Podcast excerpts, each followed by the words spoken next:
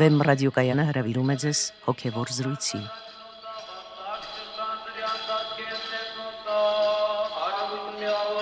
Սիրելի ունկնդիրներ, Վեմ ռադիոկայանի եթերում են արժանապատիվ Տեր Մեսրոպ Քահանա Արամյանը եւ Մանուկ Երգինյանը։ Այսօր մեր զրույցը Սիրո պատվիրանի մասին է։ Օրհնեցեք Տեր հայր։ Աստված օրհնի։ Տեր հայր, Քրիստոս խոսում է երկու մեծագույն պատվիրանների մասին, որոնք երկուսն էլ սիրո մասին են։ Թույլ տվեք ընթերցել այդ ավետարանական հատվածը։ Եվ ահա օրինականներից մեկը վեր կացավ փորձում էր նրան եւ ասում. Վարդապետ, ինչ պետք է անեմ, որ հավիտենական կյանքը ժառանգեմ։ Եվ նա նրան ասաց. Օրենքում ինչ է գրված, ինչպես ես ընթերցում։ Սա պատասխանեց եւ ասաց. Պիտի սիրես քո Տեր Աստծուն քո ամբողջ սրտով եւ քո ամբողջ հոգով եւ քո ամբողջ զորությամբ եւ քո ամբողջ մտքով եւ պիտի սիրես քո ընկերոջը ինչպես քո անձը։ Եվ Հիսուս նրան ասաց. Ճիշտ պատասխան տվեցիր։ Այդ արա եւ կփրկվես։ Փաստորեն Տեր այր այս երկու պատվիրանների իրագործումից է կախված մեր ամբողջ փրկությունը։ Այս երկու պատվիրանների մեջ է ամփոփվում ամբողջ օրենքը, ինչպես Տերը ասաց։ Այսօր փորձենք ողրել մենք ինչպես ենք հասկանում այս պատվիրանը եւ որոնք են դրա իրագործման ճանապարհները։ Նախ բազենք թե ինչպես ենք հասկանում այս պատվիրանը։ Մեր թղթակիցը այս թեմայով զրուցել է մարդկանց հետ։ Ընկերոջը սիրել, հարգել, ինչպես դու քեզ ես սիրում, հարգում Ես համաձայն եմ այդ պատվիրանին։ Ընկերոջը, հարևանին, բարեկամին լավ աչքերով նայել, որ նույնը փոխհարաբերական լինի քո համար։ Դե արդեն բնականաբար, եթե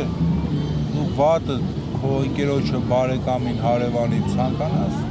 դա բնականաբար փոխադարձվելու է քո վրա։ Քրիստոսի պատվիրաններին տեղյակ չեմ, ընդհանրապես աթեիստ եմ չեմ կարդացել Աստվածաշունչ, բայց որպես կյանքից վերցրած որևիցե մի հանգամանք դա գտնում որ դա ճիշտ է։ Պետքա հարգես քո ընկերոջը, պետքա սիրես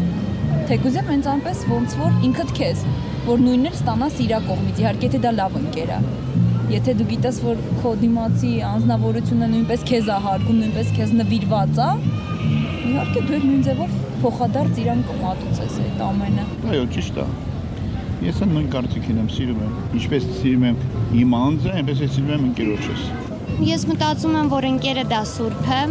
եւ ընկերոջը ընդհանրապես պետք է եւ հավատալ, եւ վստահել, եւ սիրել, եւ այն ամենը ինչ կցանկանայի ինձ, այդ նույնը կանեի իմ ընկերոջ հանդեպ, եւ այդպես էլ ինձ թվում է, որ կառաջանար սեր իրար հանդեպ։ Իմ հասկացողությունը երևի կախված է ճակատագրից, ես չեմ ունեցել եղբայր, ընկեր հասկացողությունը, եղբայրը հավասարապես իմ համար նույնն է, քանի որ համեմատելու ոչինչ չունեմ, չկա եղբայր համեմատեմ թանկ ու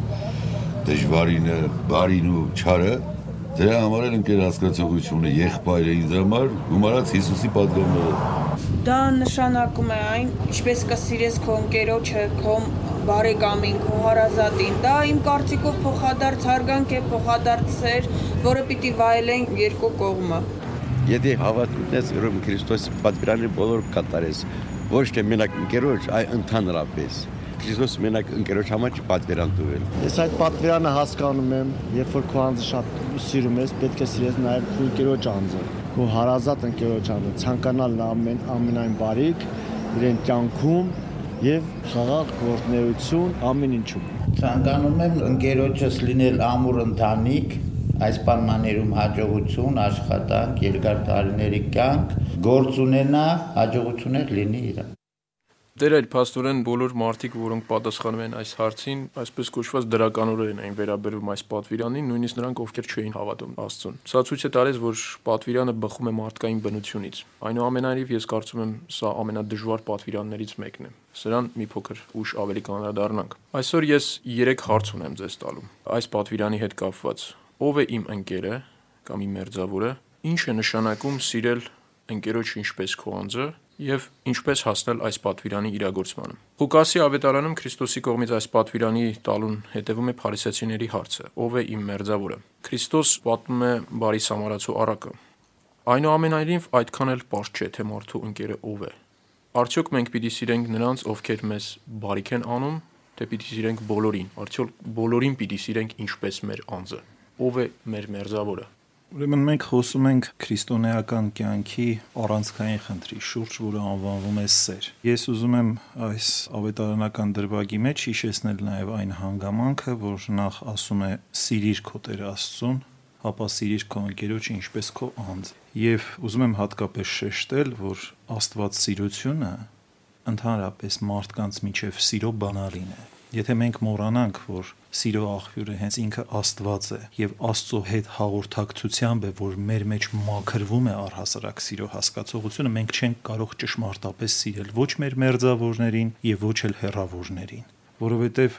սիրելու համար մենք ուղակի պետք է որոշակի կապ ունենանք սիրո աղբյուրի հետ։ Եվ սա ոչ թե ներքևից դեպի վերև գնացող process է, այլ վերևից դեպի ներքև եկող process է։ Սա նախ աստվածային սիրով է բացվել մեզ համար։ Եվ մենք պետք է բաց լինենք աստվածային սիրո առաջ։ Աստված սիրության մասին կարելի երկար խոսել։ Կարելի տեսնել, որ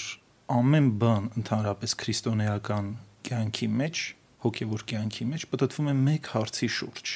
թե ինչպես պետք է սիրես քո Տեր Աստծուն։ Եվ եթե ուզում ենք հասկանալ թե որն է բուն առաքինությունը, ապա հենց սա էլ բուն առաքինությունն է, թե ինչպես պետք է սիրես քո Տեր Աստծուն որտեվ եթե իսկապես դու ձեռք բերես քո մեջ Աստված սիրություն, դու կկատարես գրեթե բոլոր պատվիրանները, դա կարելի է բխեցնել։ Ավետարանական ցանկացած խոսք կարելի է վերլուծել Աստված սիրության տեսանկյունից։ Եթե Աստծուն սիրես, դա նշանակում է դու շատ կաղոթ ես եւ նույնիսկ անընդհատ կաղոթ ես։ Եթե Աստծուն սիրես, դու կկատարես այն գործերը, որոնք որ հաճելի են Աստծուն։ Եթե Աստծուն սիրես, չես բարգանա, որովհետև դիմացի մարդու մեջ կտեսնես Աստծո պատկերը եւ նմանությունը եւ այլն, այսինքն համբերող կլինես։ Տեսնենք, որ եթե մարդը իր մեջ ունի սերը, ապա նա գրեթե կայացած է բոլոր քրիստոնեական առաքինությունների։ Դեր ներողություն, բայց Հովանո ավետարանի մեջ կա նաեւ հակառակ որ ես գգամ դրան։ Ես նախ ուզում եմ շեշտել այն հանգամանքը, որ սիրո բանալին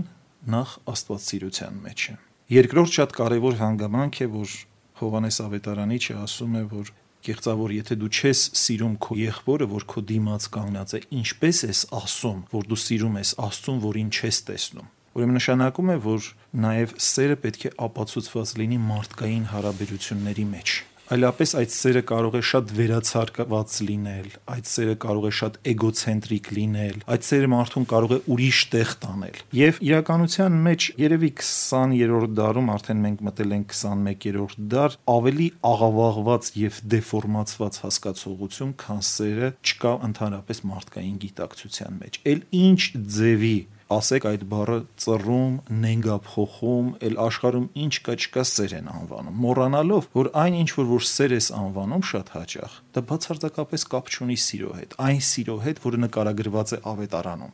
Եվ Եթե անգամ այդ մարդկային փոխհարաբերությունների մեջ շատ հաճախ գովերքվող այդ մարմնավոր սիրո մասին խոսենք, որը իր տեղում ճիշտ է աշխատում հոգևորի մեջ, շատ հաճախ տեսնում ես, որ այդ մարմնավոր սիրո մեջ ավելի մեծ ահրելի եսասիրություն է դրված, քան թե մարդկային པարս փոխհարաբերությունների մեջ։ Ուրեմն դա ուրիշ տեղ է տանում։ Այսինքն մարդիկ սկսում են սիրել այն սերը, որով իրենք սիրում են։ Մարդիկ սկսում են ավելի շատ իրենց սիրել, քան թե դիմացինին եւ ամենևին պատրաստ չլինել գնալու որևէ զոհողություն զոհաբերության կամ զոհաբերության հանուն դիմացինի։ Շատ հետաքրքիր է, որ այս հարցում, երբ որ հարցրեցին փարիսեցիները փորձելու համար, թե ով է մեր ընկերը, Քրիստոս պատմեց այդ բարի սամարացու առակը, ցույց տալու համար, որ ընկերը այն չէ, որ կանգնած է մեր կողքին միայն, կամ մեր հարազատը չէ, կամ մեր շրջապատում եղած մարդը չէ, միայն մեր ընկերը, այլ մեր ընկերը կարող է լինել նույնիսկ օտար մեկը մեզ համար։ Եվ մենք տեսնում ենք, որ ավետարանական ուսուցումների մեջ ոչ միայն ասում է սիրիր քո մերձավորին, այլ նաև ասում է սիրիր քո թշնամուն,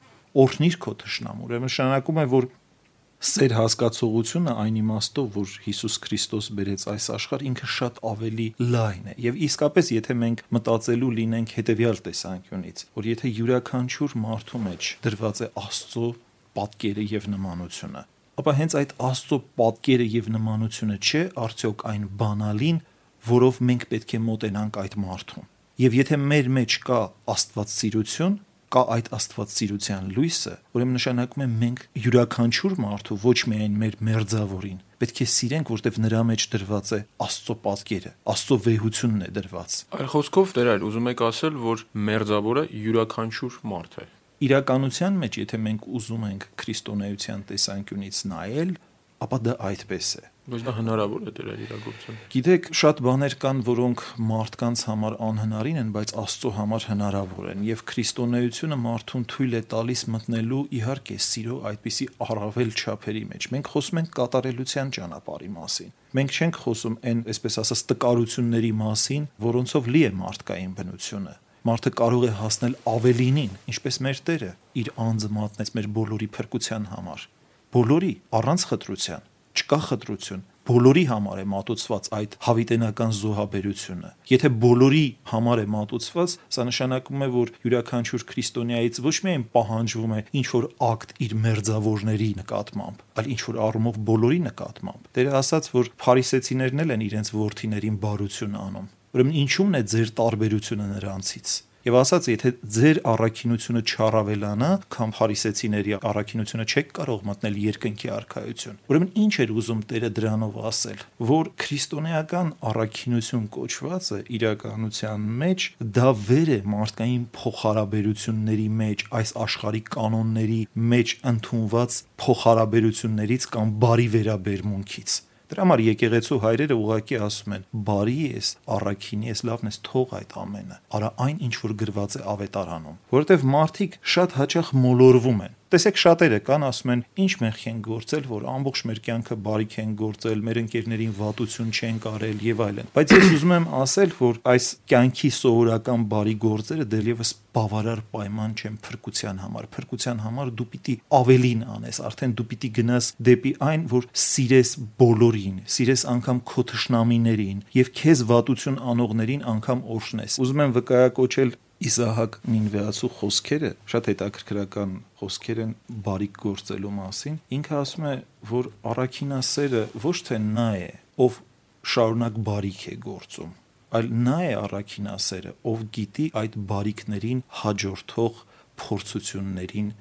դիմանալը, այդ փորձությունները ընդունելը։ Ուրեմն նույնիսկ անգամ եթե դու բարիք ես գործում, սա չի նշանակում, որ դու առաքինությունը ամբողջությամբ իրականացրել ես այ երբ որ այդ բարիքի դիմաց քեզ ճիշտ հակառակով ճարիքով կպատասխանեն եւ դու կհամբերես եւ նույնիսկ կորնես դիմացինիդ այդ նշանակում է որ դու արդեն մտել ես քրիստոնեական դաշտի մեջ սա մի փոքր դժվար է այսպես ասած պատկերացնել կամ մի փոքր ոչ թե մի փոքր բավականին դժվար է սա իրականացնելը կյանքում բայց իրականության մեջ մենք պետք է փորձենք զատել մաքուր քրիստոնեությունը խառը հասկացողություններից, որտեղ այս աշխարհում ընդունված հաճախ կանոնները, փոխհարաբերությունները, ընկերներով իրար լավություն անելը եւ այլն եւ այլն, սա դեռ չի նշանակում, որ մենք քրիստոնեության մեջ ենք գտնվում։ Մենք դա անում ենք հանուն ինչ որ մի բանի, եւ նույնիսկ դա պետք է ֆիքսենք, հանուն ինչի ենք անում, հանուն հոգու փրկության ավելի կարևոր բան կա, քան ընկերոջ հոգու փրկությունը ցանկալը եւ դրան նպաստելը։ Ոչ։ Դերեր, արդյոք դուք չեք տեսնում, որ այս երկու պատվիրանների մեջ սիրիր քո ընկերոջ ինչպես քո վանձը եւ սիրեցեք թշնամիներին որոշակի տարբերություն կա։ Այսինքն նույն սիրով հնարավոր չի սիրել մերձավորիդ ընկերոջը եւ նույն սիրով սիրել քո թշնամուն։ Անշուշտ, այստեղ տարբերություն կա, բայց պետք է հասկանալ, որ այս երկուսը իրար հետ փոխկապակցված են։ Միտեղ էլ ասում է պիտի թողնես քո անձը Եթե ճուրանաս քո անձը, չես կարող ուրեմն հասնել կատարելության։ Եվ եթե մեռնես, կծնվես ուրեմն հանուն հոգևոր կյանքի։ Եվ իրականության մեջ Սուրբ գրքում բազմաթիվ հակադիր թեզեր կան, եւ հարցը սրանց հակադրության մեջ չէ, այլ սրանց միասնության մեջ է։ Միտեղ ասում է պիտի պատվես հորդ մորդ, միտեղ ասում է որ եթե չթողնես նրանց եւ իմ հետևից չգաս, չես կարող ժառանգել երկնքի արքայությունը։ Եվ այս բոլոր բաների բանալին, այս հակասությունների բանալին իրականության մեջ սերն է։ Մերձավորների պարագայում շատ կարևոր է նրանց նկատմամբ ճիշտ հոգևոր զգացմունքներ ունենալը իրականության մեջ ինչ որ առումով քո թշնամուն սիրելը, որքան էլ հիմա տարօրինակ հնչի իմ ասածը, հոգևոր տեսանկյունից ավելի դյուրին բան է, քան քո մերձավորներին ճշմարիտ հոգևոր սիրով սիրելը։ Առանց մարդկային կրքերի։ Առանց մարդկային կրքերի եւ այլն։ Այսինքն այն սիրով սիրելը, որ կարողանաս նրան ուղեկցես դեպի հավիտենական կյանք, որտեվ շատ հաճախ մենք մարդկային կապանքներով այնքան ենք կապված եւ այդ կապանքները այնքան ենք շահագործում, որ վնասում ենք մեր մերձավորների հոգիներին եւ բազմաթիվ խնդիրներ կան։ Նույնիսկ ծնող երեխա փոխհարաբերության մեջ։ Տեսեք ծնողի նկատմամբ սերը ինչքան վեհ բան է, որը դրված է 10 պատվիրանների մեջ բայց մյուս կողմից դա ունի նաև իր վտանգավոր ասպեկտը, երբ որ դա վերածվում է հիվանդագին կապանքի, եւ կոմպլեքսավորվում են եւ ծնողները եւ երեխաները եւ որը կաշկանդում եւ թունավորում է նրանց կյանքը եւ ինչ որ առումով տեսեք օրինակ այս կնքահայրության ինստիտուտը որ մենք ունենք ինչու համար է դրված եկեղեցու կողմից միանգամից թող ծնողները լինեին իրենց երեխայի կնքահայրը բայց ողջում է որ դա օրինաչափություն է որ հոգևոր դաստիարակը չպետք է ունենա մարմնավոր կապ իր երեխաների հետ Այսինքն ինքը պետք է լինի հոգևոր հեղինակություն։ Եվ շատ կարևոր է, որ մարմնավոր ծնողներից բացի մարդը նաև ունենա հոգևոր ծնող, որը պետք է իրեն հայտնի Աստծո կամքը, ուսուցանի աստվածային պատվիրաններ։ Ուրեմն մենք տեսնում ենք, որ այստեղ գնում է լրիվ այլ փոխհարաբերություն։ Իսկ երբ որ ասում է սիրիր քո թշնամուն, սա շատ ավելի པարզ է հոգևոր տեսանկյունից, որտեղ մենք միանգամից հասկանում ենք, որ սրա համար մենք պետք է հոգեպես կատարյալ լինենք հոգևոր խնդիր է մեր առաջ դրած։ Ուրեմն նշանակում է մենք ինչ որ բանով պետք է հաղթահարենք ինքներս մեզ։ Հետո այդ սիրիր ինչպես քո անձը։ Սա շատ հետաքրքիր արտահայտություն է։ Իրականության մեջ մենք ինչպես ենք սիրում մեր անձը։ Այստեղ մի փոքր ալեգորիա կա, որտեղ իրականության մեջ մենք մեզ էլ լավ չենք սիրում։ Այ իմ հաջորդ ասենս դրա մասին էր։ Ինչպես քո անձը, չէ՞ որ մի կողմից քրիստոնեությունը զգուշացնում է եսասիրությունից հակնելու մասին, զգուշանալու մասին, մյուս կողմից էլ ասում է սիրիր քո ընկերոջը ինչպես քո անձը։ Այստեղ ալեգորիա կա, ես ձեզ ասեմ, որտեվ այստեղ եսասիրության մասին չի չի ասում ինչպես որ եսասեր ես այդպես էլ սիրի քո ընկերոջը դրա մասին չի ասում այստեղ պարզապես նկատի ունի Տերը շատ պարզ բան թե ինչպիսի խնամք որ մենք տածում ենք ինքներս մեր նկատմամբ որտեվ մեր նկատմամբ սերը արտահայտված է մեր խնամքով մենք սնվում ենք, մեր կարիքները բավարարում ենք եւ այլն։ Այդպիսի խնամք մենք պետք է ունենանք ընկերոջ նկատմամբ։ Եվ պատահական չի, որ բարի սամարացու առակն է Տերը մեջ բերում, որը արտահայտված է པարզ մարդկային խնամքով։ Տերը ասում է, որ այն ինչ որ որ դու անում ես քեզ համար, այսինքն այն բարի բաները, որը կարելի է անվանել սեր, որը արտահայտված է նախ եւ առաջ խնամքով քո նկատմամբ, այդ նույն բանը պետք է անես ընկերոջ նկատմամբ։ Այստեղ ինչ որ փիլիսոփայական բաների մասին չէ, շատ པարզ գործողությունների մասին է, որտեղ սերը պետք է արտահայտված լինի ասենք կոմունիստները սիրում էին մարդկության պայծառ ապագան, բայց կենթանի մարդկանց ոչնչացնում էին։ Այստեղ լոզունգային սիրո մասին չէ, այլ խիստ կոնկրետ սիրո մասին։ Կարծեմ երևի նաև այստեղ փաստվում է քրիստոնեության իրապաշտական տեսանկյունը, որով փաստվում է, որ ի վերջո ամենաշատը դու ինքդ քեզ ես սիրում։ Այո, որը արտահայտված է քո անձիդ նկատմամբ տածած սեփական վերաբերմունքով։ Եվ այստեղ նաև ողորմության գործերի, բարի գործերի ներքին ցուցում կա այս տերունական ամբողջ պատվիրանի մեջ։ Գիտեք, սերը ինքը պետք է ունենա որոշակի արտահայտվածություն, որովհետև մենք պետք է զգուշանանք նաև, ինչպես ես արդեն ասացի, սիրո զանազան նենգափոխված ընկալումներից օրինակ հիմա հայրենասիրություն գոռում գոչունի է վերածվում մոռանում որ հայրենասիրությունը դա հայրենիք եւ սիրել բառերից է կազմված եւ հայրենասիրություն դա ոչ թե նշանակում է կուրսք ծեծես կամ երկու հատ արտասուք աչքիցդ քամես այդ հուզված մոմենտներին այլ հայրենասիրություն նշանակում է սիրես կոնկրետ մարդկանց որոնք որ ապրում են քո հայրենիքում իսկ ինչ է նշանակում սիրել կոնկրետ մարդկանց համաձայն ավետարանական ուսուցման դա նախ եւ առաջ նշանակում է ինքնազոհողության հոգի ունենալ Մենք պետք է հիշենք, թե այդ սերը ինչպես բացվեց դեպի մեզ աստվածային զոհաբերությամբ։ Նշանակում է, եթե մենք նույնպես սիրում ենք մարդկանց, մենք պետք է նույնպես գնանք ներքին զոհաբերության հանուն այդ մարդկանց ինչ որ բարիք գործելու։ Շատ հաճախ նույնիսկ ամուսնական զույգերի պարագայում բավականին մեծ ողբերգության է վերածվում սիրո ոչ ճիշտ ընկալումը։ Այսպես կոչված աշխարհիկ լեզվով ասած սիրահարվածությունը իրար սիրահարվում են, հետո մեկ էլ նայում են իրար, տեսնում են, որ իրենք բացարձակապես իրար չեն ճանաչում, որտեղ իրենք սիրահարված են եւ ոչ թե սիրում էին իրար։ Իսկ սիրել նշանակում է զոհել այն ինչ որ քոնն է հանուն դիմացին, պատրաստ լինես զոհաբերելու, պատրաստ լինես զիջելու, պատրաստ լինես հանուն դիմացինի բարի գործեր կատարելու։ Եվ սերը անպայման պետք է արտահայտված լինի այսպիսի գործերով։ Ոչ միայն ֆիզիկական, այլ նաև հոգևոր շատ ավելի մեծ բան է ըստ եկեղեցու հայրերի օրինակ հոգևոր զոհաբերությունը երբ որ դու քո ժամանակն ես ծախսում որպեսի դիմացինիդ օգնես որպեսի նա սխալ չգործի որպեսի նա մեղքի մեջ չընկնի ազատես ինչ-ինչ կապանքներից սա շատ մեծ ողորմություն է դիմացինի նկատմամբ եւ սիրո գործերը նախ եւ առաջ արտահայտված են ողորմության գթասրտության գործերով պետք է զոհողության հոգի ունենալ այլապես մենք այլ տեղում կհայտնվենք այդ սիրելու հետևից գնալով։ Վերեր դուք մատնշեցիք այն կարևորագույն չափանիշը, որով կարելի է հասկանալ արդյոք մենք այդ ճանապարհի մեջ ենք սիրելու թե ոչ։ Որն է զոհաբերության հոգին։ Անդրադառնանք այդ զոհաբերության ոգուն հասնելու ճանապարհներին։ Ինչպես կարելի է հասնել դրան։ Սովորական քրիստոնյան ինչ պիտի անի, որպեսզի կարողանա հասնել այս բարձրագույն պատվիրանին պիտի սիրես քո ընկերոջը ինչպես քո անձը։ Ուրեմն գալով դրան մենք պետք է ասենք, որ շատ հետաքրքրական սա բան է։ Սիրիր քո անձը նախ եւ առաջ նշանակում է հետազետե հրաժարվել քո սեփական եսից։ Միայն այդ դեպքում դու կարող ես ճշմարտապես սիրել քո անձը։ Եվ միայն այդ դեպքում դու կարող ես ճշմարտապես սիրել քո ընկերոջը, որտեվ մարդը այս աշխարհում, այս կյանքում դարձել է չափից դուրս եսասեր։ Եվ 2000 տարի առաջ էլ նույն վիճակն է եղել եւ դրանից առաջ էլ նույն վիճակն է։ Մարդկային կյանքը դարձել է չափազանց էգոցենտրիկ։ Մարդը կապանքված է ինքն իր մեջ։ Սերը դա այն պատվիրան է, որը մարդուն օգնում է ազատագրվել սեփական եսի կապանքներից, ինքնապաշտությունից եւ օգնում է նաեւ մեզ ճիշտ վերաբերվել ինքներս մեզ։ Ինչ որ առումով մեր եղբայրները, մեր շրջապատող մարդիկ, դրանք այն աստվածային հայելիներն են, որոնք դրված են մեր առջև, որպեսի մենք ինքներս մեզ տեսնենք։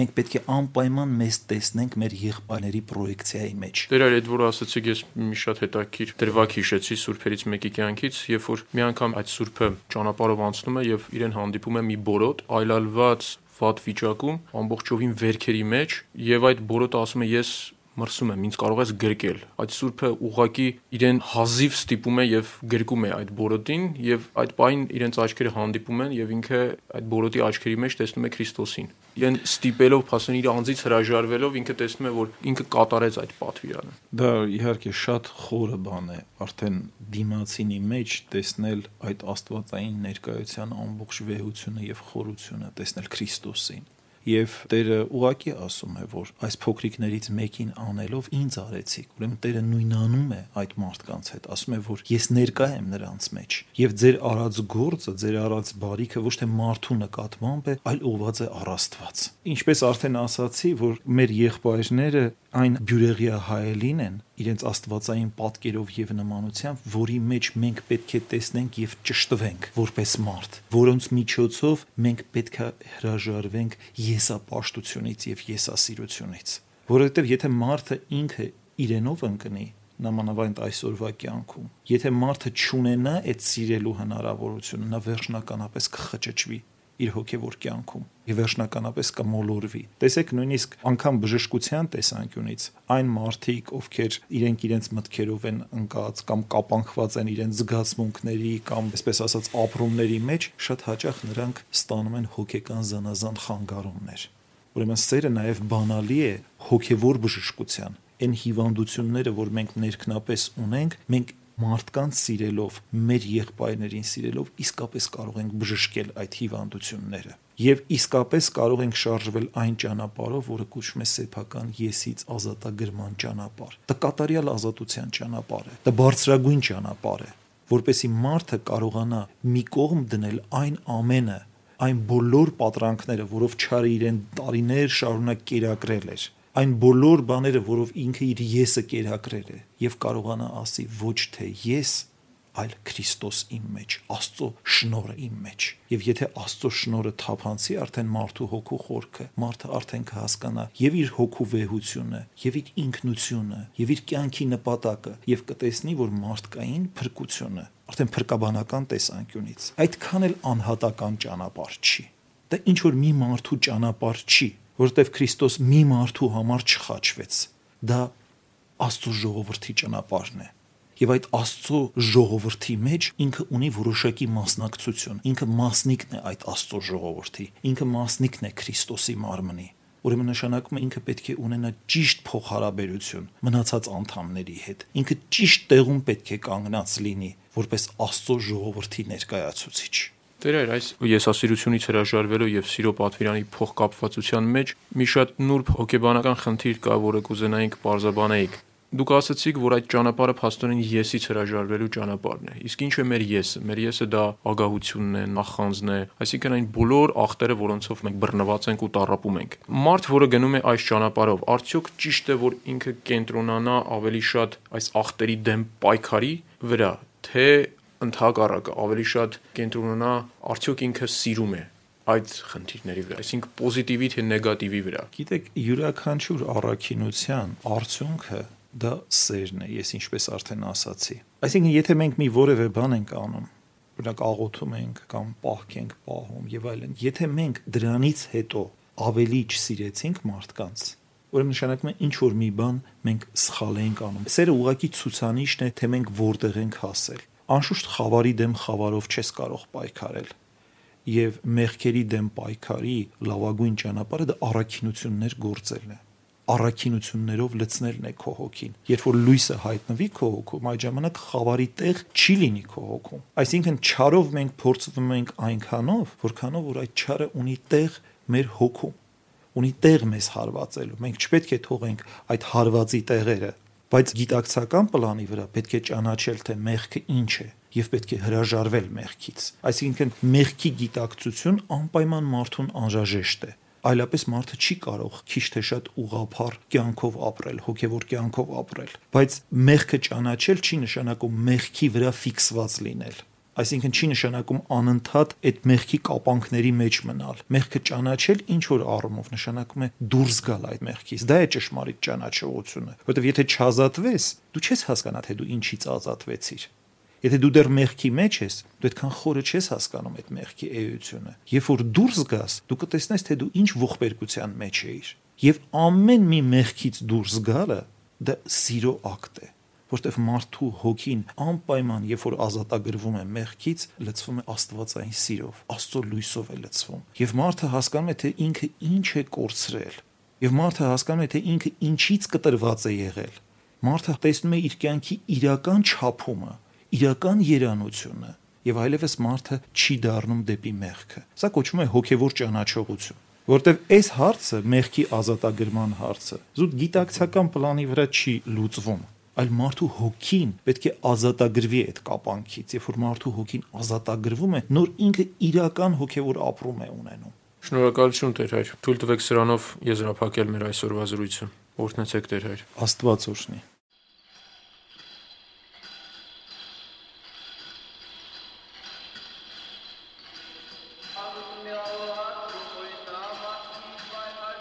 Հոգևոր զրույցներ հաղորդաշարի հերթական հաղորդումը վարեց Մանուկ Հերգնյանը։